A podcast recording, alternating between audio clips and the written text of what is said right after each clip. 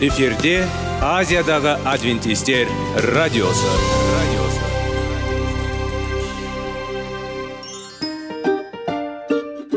Сәлем достар.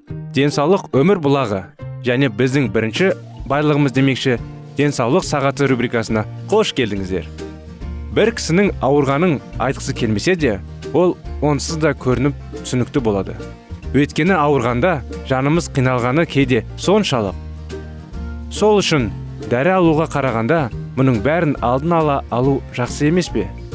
Біздің рубрикада біз әртүрлі факторларменен мәліметтерменен кеңестерменен бөлісіп шын жүректен сіздердің дендеріңіз сау болғанын қалаймыз. Сол үшін біздің рубрикаға қош келдіңіздер. Дайындалып тұрыңыздар. Өйткені келесі минуттарда қызықты фактілерге ие боласыздар.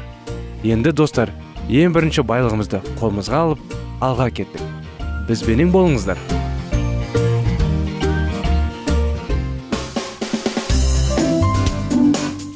Денсаулық туралы хабар.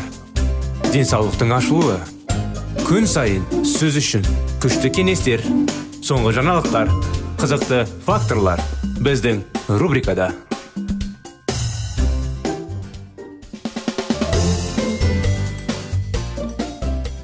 Сәлеметсіздер ме құрметті достар біздің құрметті тыңдаушыларымыз.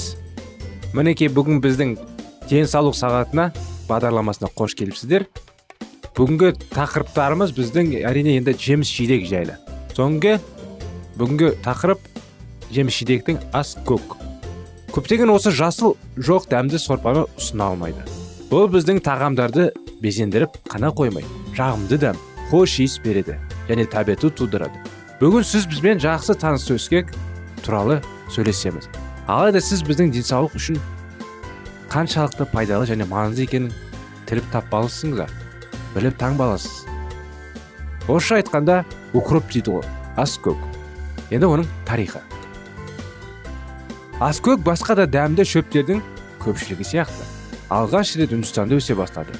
Онда әлі де күнге дейін табиғи жағдайында өсетін жабайы аскөк көздестіруге болады.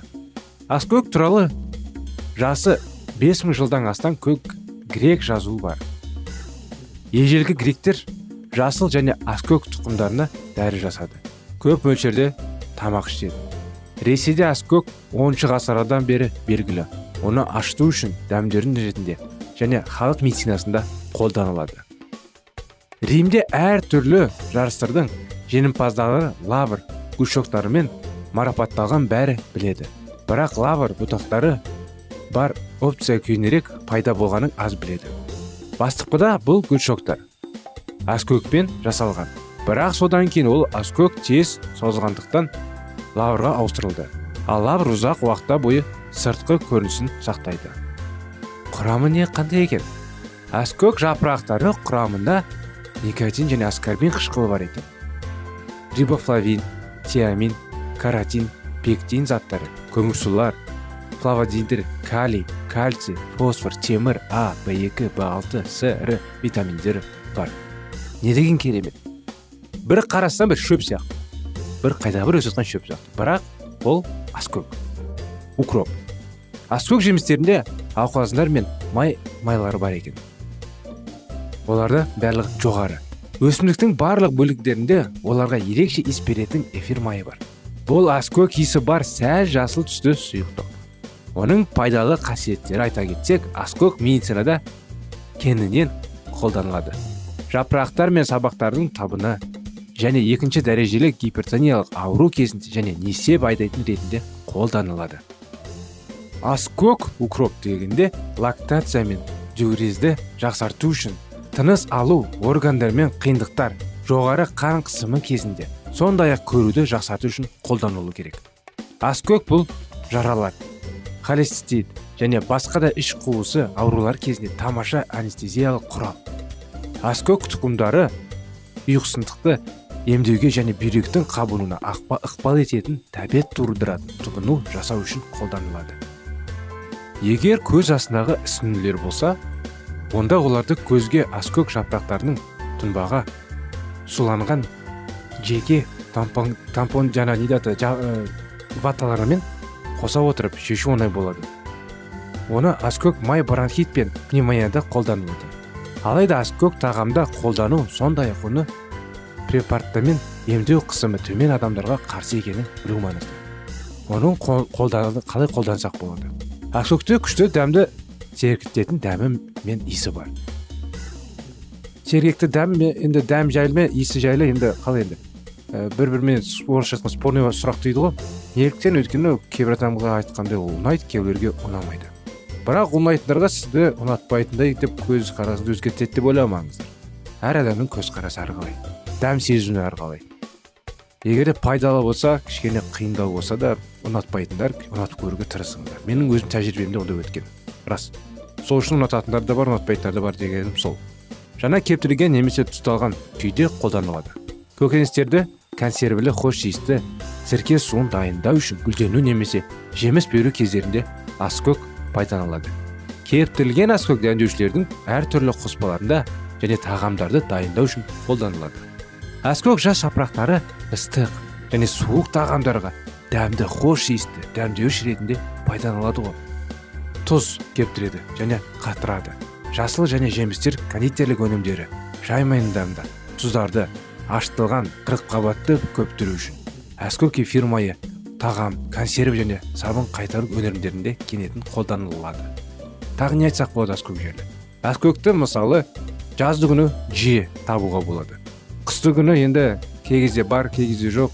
Бірақ қыста да жазда да ол табылуға мүмкін. Бірақ кезде енді алыс болса қысты күні ерініп жүрсеңіз аскөкті кептіріп оны әрине тамаққа қосуға болады. Неғұрлым сізге оның пайдалы қасиеттерін айту. Рас қой. Енді оның тағамда ретінде қалай айтса болады оны қалаған жер қалаған тағамға салаттарға да қосады деп ойлаймын. Неліктен әр тамаққа енді кейбіреулер тамақтың үстіне қоса салады кейбіреулер оны бөлек турап оның екінші досы бар петрушка дейді петрушканы. Бірге турап оны бір ыдысқа салып столдың бетіне қояды. Неліктен көп адамдар жаңа айтып жатырмын ғой шөп шаламды тамаққа қосқанды ұната бермейді. Сондықтан оны бөлек алып керек адам өзі қосып алады да. Сіздерге кеңес. Оны пайдалы деп әр күнге оны қалай енді. Әр күнге тиісе бермеңіздер. Мынау пайдалы деп мынаны же же деп қайта қинай бермеңіздер былай айтқанда. Неліктен өйткені керек адам өзі қосады. Ең басты айтыңыз қосатын нәрсені адам өзі қосып алады. Әр адамның өзінің мінезі бар пікірі бар дегендей. Жаңа аскөк екі үш болмасына сатып алмай нарықтан кетпеңіз. Ал сатып алған кезде жарқын хош иісі мен жаранды жасыл түсті бар жаңа буылмарды таңдаңыз. Өйткені кейбіреулер сарғайып қалады. Оны алып әрдайым неғұрлым көп ұстамай қолданып қойыңыздар жаңа кезінде піскен кезде. Ал егер мүмкіндік болса бақшаңызда бір екі төсек шығарыңыз. Онда сіз аскөк пайдалы және хош иісті жасыл сәнді әрдайым қуанады. Сізге не тілейміз? Әрдайым аман сау болыңыз. Денсаулықтарыңыз мықты болсын. Әскөкті сіздерге неғұрлым көмек берсін. Рахмет сіздерге.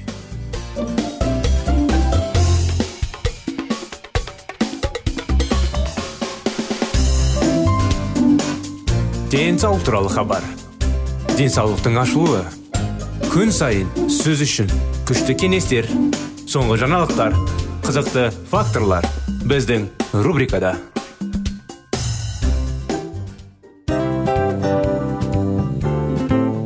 Әуелі байлық денсаулық. Екінші байлық он саулық үшінші байлық ақ жаулық ал енді осындай радио парақшадан кейін не дейміз? Барлықтарыңызға денсаулықтарыңыз зор болсын деп тілейміз. Денсаулықтың өзгеруі кішкентай нәрселерден басталады. Осымен біз берген кеңестер мен мәліметтер шын жүректен сіздер үшін қандай да бір болсын жәрдем берді деп үміттенеміз. Тыңдаушыларымызбен келесі радио парақшасына дейін қоштассамыз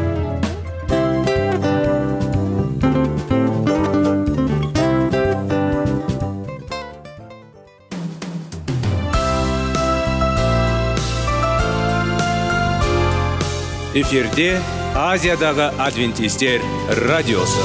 Радиосы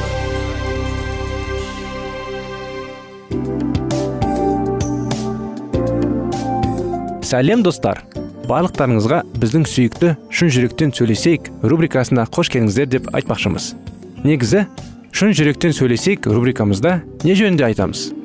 Шын жүректен сөйлесейік бағдарламасы әртүрлі қызықты тақырыптарға арналған. Махаббат деген биік тас. Оған ешкім жете алмас. Жетеді оған екі жас дегендей шындығында шын жүректен сөйлесейік деген сөздің мағынасы екі достың екі адамның екі жастың арасындағы шын жүрекпен сөйлесуі бір біріне сенуі ашықтық пен шындықты білдіреді. Сол үшін біздің бағдарламаларды үзбей бізбен бірге болып тұрыңыздар. Әртүрлі қызықты тақырыптарды сіздер үшін арнап дайындағанбыз. Дайындалыңыз. Жаңа қызықты мәліметтерге ие болуға. Ондай болса кеттік.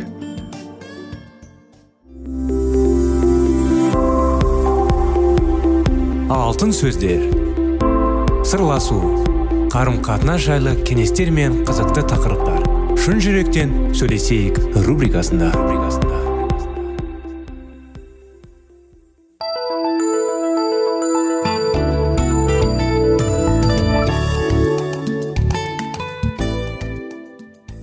Шын жүрекпен сөйлесейік бағдарламасы мінекей достар біздің бағдарламамызға қош келдіңіздер біраз уақыттар болды біз сіздермен бірге шектеулер жайлы тақырыпты жаңағы кітапты әңгімелеп жүрміз сондықтан бүгін сол кітаптың жалғасы бірақ мен джеффке уәде бердім ғой деп ойлады шерри ол емес менің кінәлімін өз жұмысын менің мойнымнан артып қоюдың әділсіздігін айтса болар еді ғой бірақ қазір бұл туралы ойланып жатқан уақыт жоқ.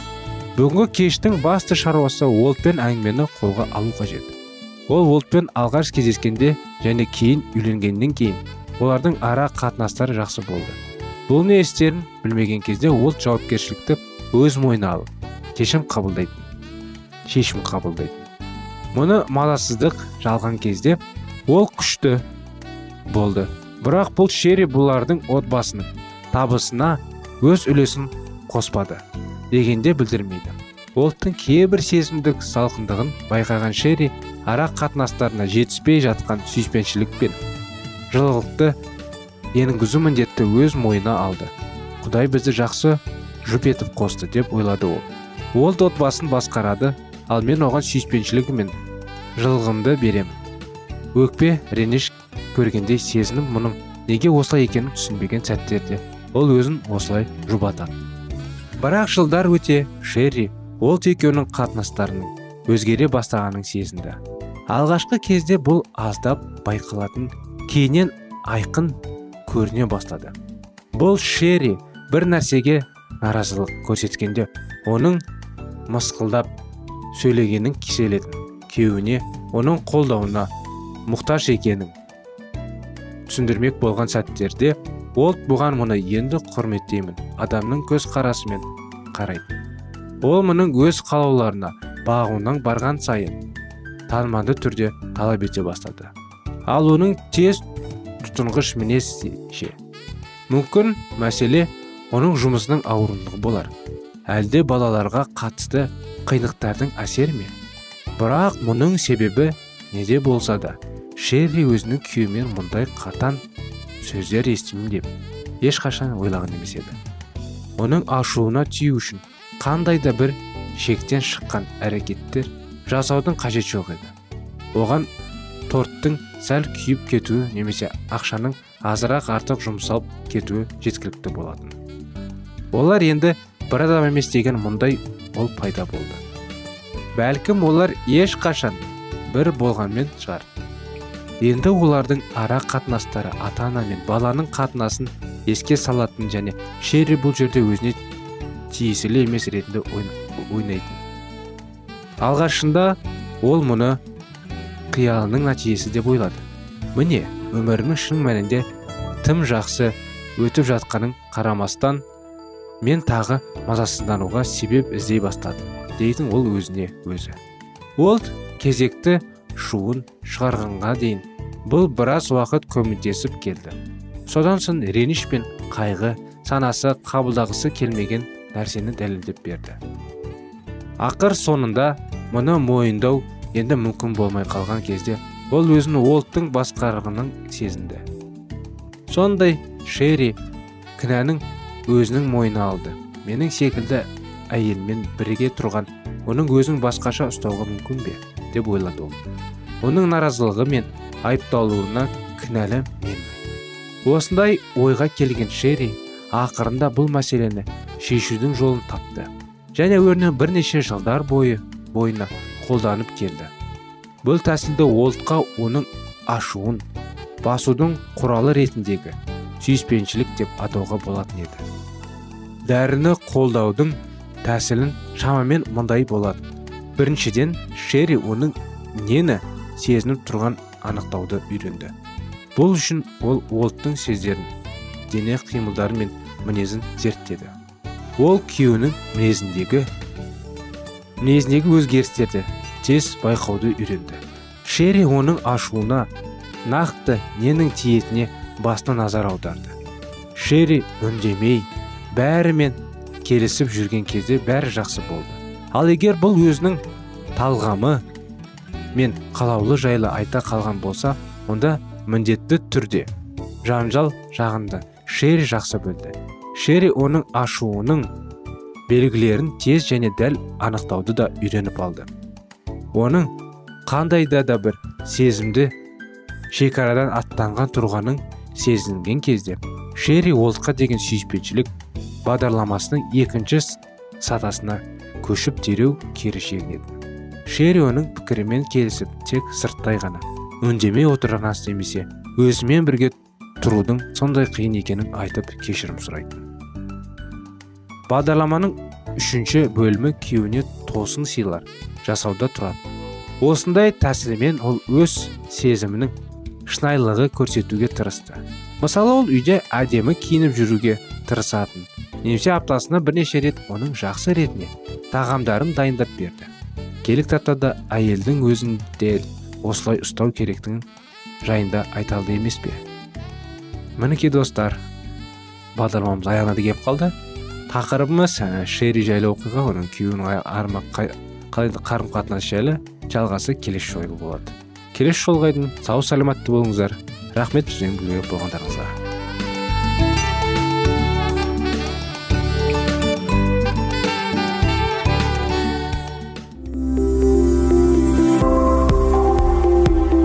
Алтын сөздер. Сырласу. Қарым қатынас жайлы кеңестер мен қызықты тақырыптар. Шын жүректен сөйлесейік рубрикасында.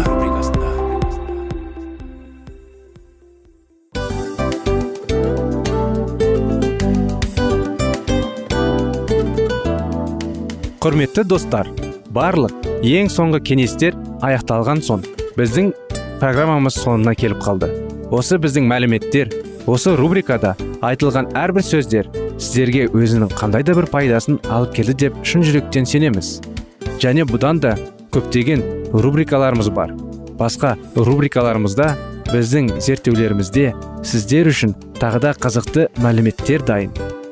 Біздің шын жүректен сөйлесейік парақшамызда көптеген әдістер ең соңғы кеңестер адамның нравственность жақтан моральдық жақтан тазалап байыта тұрған соңғы кеңестердің барлығын жанарады. сондықтан алдыңғы күндерде бізбен бірге болыңыздар. Өйткені барлық қызықтар алдыда.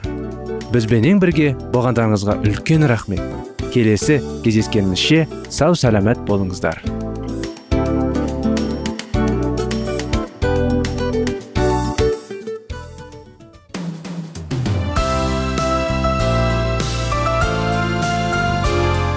Эфирде азиядағы адвентистер радиосы.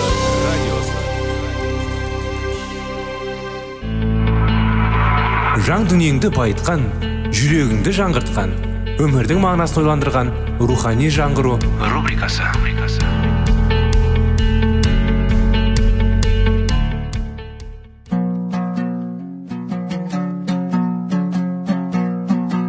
Ассалаумағалейкум біздің тыңдаушыларымыз. Келі кітаптың шындығын ашып берген қысқа бағдарламасына қош келдіңіздер. Барлығынан жоғары жаратушы біздің қарыңғылықта жалғыз қалдырып қойған емес. Өйткені ол келешекте не болу керек екенін киелі кітаптың парақтарында ашып береді. Немесе келіңіздер бізге қосылыңыздар. Жаратушы бізге нен ашып бергенін зерттейміз. Ассалаумағалейкум сәлеметсіздер ме? біздің құрметті радио тыңдаушыларымыз біздің құрметті достар біздің рухани жаңғыру бағдарламамызға қош келдіңіздер. Сіздермен бірге үміт аян тақырыптарын жалғастырудамыз. Ә, естеріңізде болса өткен жолы біз неге көп шіркеулер көп жайлы әңгімелеп бастаған едік? Естеріңізде ма? Сондықтан оны жауапты киелі кітапта жазылған. Әрине сіздерге кеңес берген едік өткен жолы жақсы дұрыс дұрыс жолмен жүретін шіркеуді табу үшін ұзақ өмір уақыт кетеді.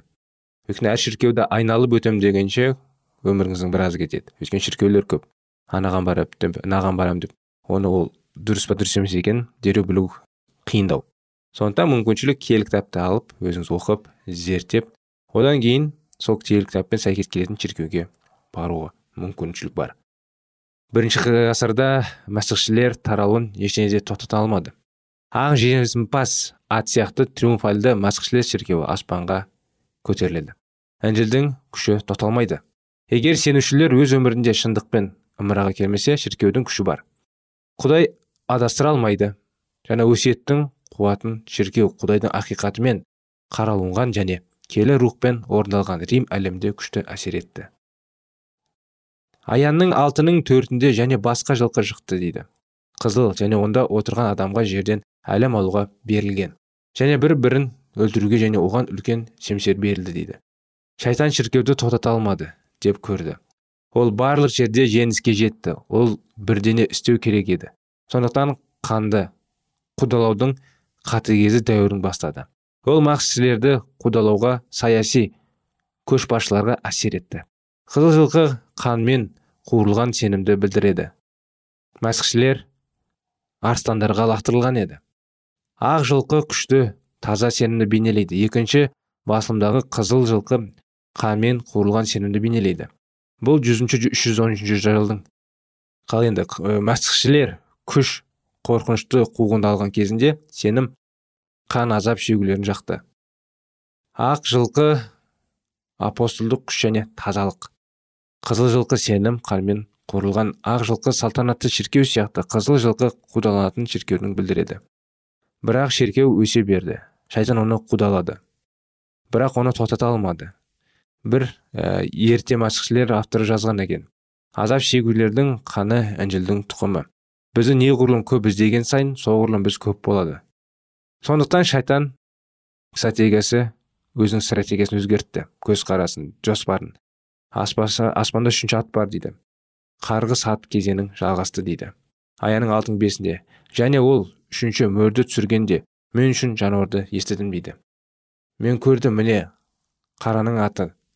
Оның қолында өлшенген салт атты. Шайтанның екі мың жоқ кешіріңіздер екі жүзінші жылдан кейін басқа әдісті қолданды. Оның жаңа стратегиясын ымыраға келу үшін құрылды. Оның негізгі стратегиясы шіркеуге тілдік әдет ғұрыптарды әкелу ақ жылқы тазалық бейнелейтіндіктен қарға жылқы қауымға кіретін ымыраластық пен адасушылықты бейнелейді. Қарғыс атының бұл кезеңі шіркеу тарихындағы 313-530 жылдары. Өз уақытында апостол паул осы мұраға алаңдатты. Мен білемін бұл менің арманым дейді. Паул масқішер шіркеуінің басшыларын жүргенде мен сізге өз тұрған адамдардың айтатын болдым. Қажеттілігі еліктіру сынап орындармен бірге көрейін. Олардың қалай енді жалғандары. Қасқырлар қызыл жылқы кезінде шіркеуді жоғалтады.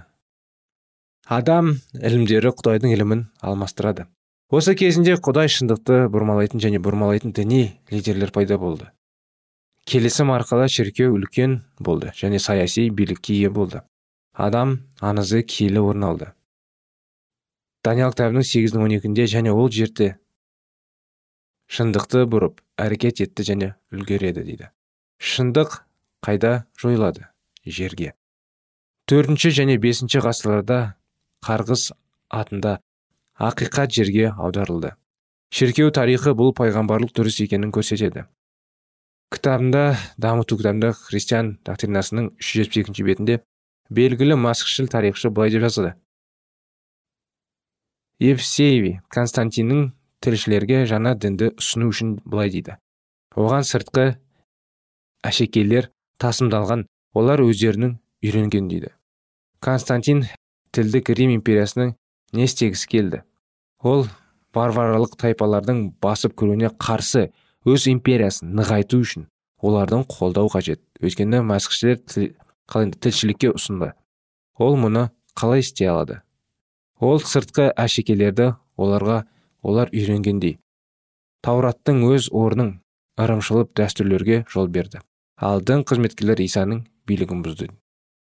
Шіркеудің талаптары мәсіх арқылы құтқарылды алмастырды.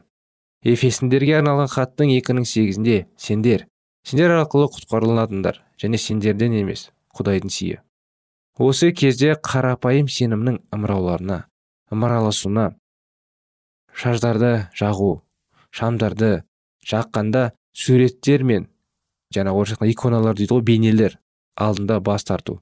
Келі рухқа табыну сияқты кейбір тілдік әдет ғұрыптардың алмастырады. Шіркеу құдай заңдарын өзгерту құқығына ие болды.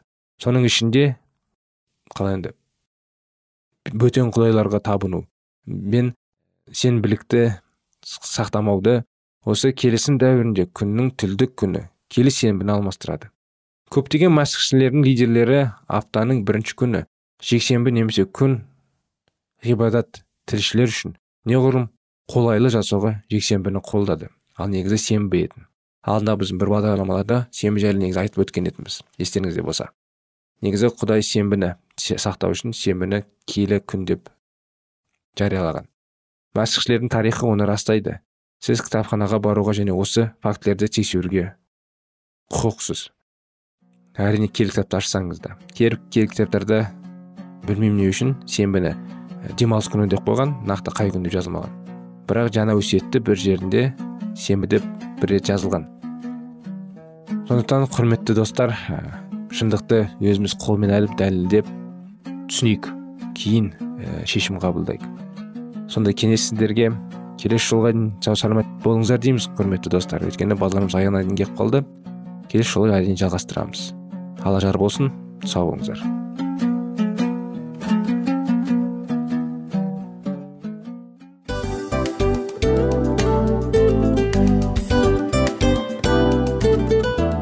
Достар біздің радио парақшамыз өзінің соңына келіп те қалды. Демек бұл программамыздың қорытындысын айта кету керек. Негізі істің басталып жатқаның қуанту керек пе? Әлде оның қорытындысы қуанту керек пе? Сіздер қалай ойлайсыздар? Меніңше қорытындысы деп ойлаймын. Себебі жасаған ісінің жемісін көріп қорытынды арқылы бағалап жүрегін қуантады. Баяғыда айтқандай бидайды сепкенде емес бидайдың жемісін жинаған кейін ыстық нанды жегенде кәдімгідей рахаттанасың ғой. Осымен біздің бағдарламамыздың аяғында тыңдаушыларымыз қандай пайда алды екен деген ойдамыз. Егерде өткен сфераларда пайдалы кеңес алған болсаңыз біз өзіміздің мақсатымызға жеткеніміз. Бүгінгі 24 сағаттың алтындай жарты сағатын бізге бөліп ардағаныңыз үшін рахмет. Келесі кездескенімізше қош сау болыңыздар.